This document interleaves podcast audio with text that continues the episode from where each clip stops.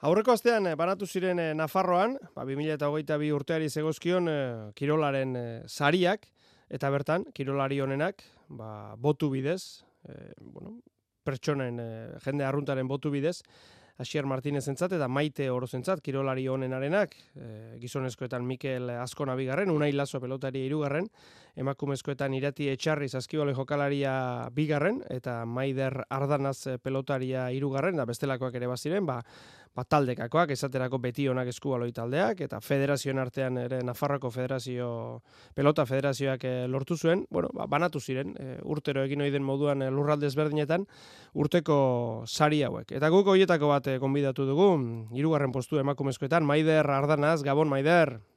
Gabon, kepa. Bueno, ba, dago, ez da, pentsatu nahi dut, pozik, ez da horrelako, batek egindako lanaren, e, ba, rekonozimendu bat dagoenean, beti pozik, ez da? Hori da, e, oso pozik horregote batik, iru, bueno, bosten e, finalean, eta, bueno, oso kontent, ezin da izan irabazi, baina, baina kontent bai. bueno, pentsatu nahi dut, e, 2008an, zure urtean, e, dizdira berezi egiten duena da, biarritzeko munduko txapelketako urrezko domina horrek, ezta? Paleta goma hogeita marre metro, e, horrek egiten du batipat dizdira, ala? Bai, hori da, joan nintzen mundialera eta, bueno, jokatu eta irabazi bai. Así que ezin dut gehiago eh, ezin dut gehiago eskatu. Bai, ze, bueno, normalean, kirolari batentzat munduko txapelketa ja lehiatzea asko izaten da. Eta, eta irabaztea zer esanik ez? Hori da, bai. Gainera, goitoa urterekin, ba, e, hori da, iristea eta irabaztea, ba, zinez ez e, Puentes en kontrako finala izan zen, Mexikarraren kontra, ama eta malau, ama eta miu, nola gogoratzen duzu munduko txapelketa, Maider? Ba, izan zen, azte bat oso, bueno, oso gogorra, baina ere bai oso emozionala.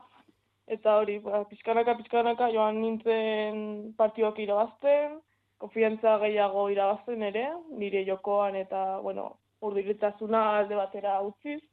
Eta, bueno, finalean ere izan zen partio gogorra, Sabrinaren kontra, Argentina harra, eta gero, ba, Mexikoren kontra, ba, hori, pues, oso mo motivatuaren guen, eta ez nuen, ez nuen oso urduri gainera, así que disfrutatu nuen bai.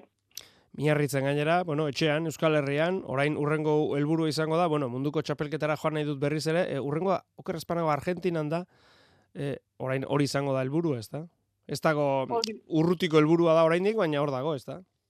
Hori da, hori da helburua, baina bueno, falta dira oraindik iruzpala urte, así que pizkanaka, pizkanaka, mengo txapelketak e, prestatu eta gero ja etortzea etorriko dena. Hmm.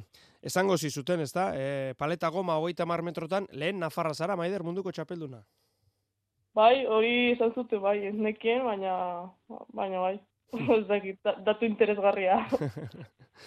Bueno, ba hori, 2008an egindako lana, eta horrek ekarri duen, bueno, ba, ba zarik eta hori ez da, aurreko astean.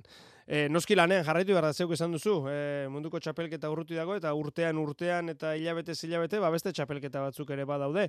Orain esaterako, sartuta zaude, Nafarroako trinkete txapelketan, Eta gainera badauka zuentzat e, berezitasun bat, ez da? E, hasi berri den txapelketa honek, eta da, bueno, ba, emakumezkoetan maila handia daukazuenak, e, gizonezkoekin batera ari zaretela parte hartzen?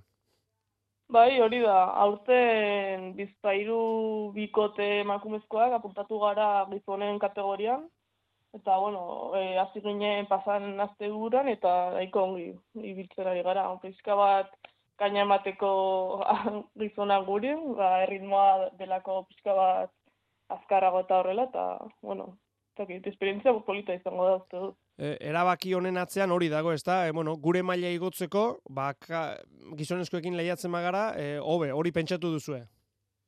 Hori da, bai, erritmoa, ba, da azkarragoa, e, fiziko aldetik ere, ba, gehiago eskatu digute, guri, guri, azike, azike hori, bai. E, nola daukazu, antolatuta edo pentsatuta bintzat, 2000 eta hogeita iru urte hauze txapelketa dituzu hor potoloak helburu nagusiak zeintzu dituzu, Maidar? Ba, urrengo astean uste dut, aziko garela Euskal Herriko txapelketa, frontoian. e, eta bueno, martxoan bukatuko da, eta martxoan ja hasiko da garaunia, dela ba, urtero importanteenetarikoa. Eta gero, maiazatik aurrera azten dira Espainiako txapelketak, trinketen eta hogeita metroko frontoian, eta ba, iru txapelketa horiek dira nola nagusienak edo importantenak. Uh -huh. e, zeuk esan duzu, bueno, oraindik hogeita bat urte, E, zer da une honetan zuretzat e, pelota? Zure bizitzaren barruan ze, ze toki betetzen du pelotak? Jo, ba, betetzen du ba, erdia baino gehiago. Arratzaldetan beti nago edo e, prestakuntza fizikoarekin edo entrenatzen, edo ni aurrak ere entrenatzen ditut, hasi que okupatzen du ba, denbora asko eta importantea da bai. Eta gustora ez da? Bai, bai. Bueno, aposten gara, hause duzue, Maider Ardanaz, esan bezala, ba, aurreko astean eh, Nafarroako sariketa hori izan da, eta eta hause aitzaki erabilina izan dugu, ba, pixka bat eh, Maider gurera gonbidatu, eta eta bere nondik norakoak eh, ezagutzeko. Ba, mil esker, Maider, gurekin izateagatik, eta segi horrela lanean eta gozatzen frontoian. Mil esker zuri.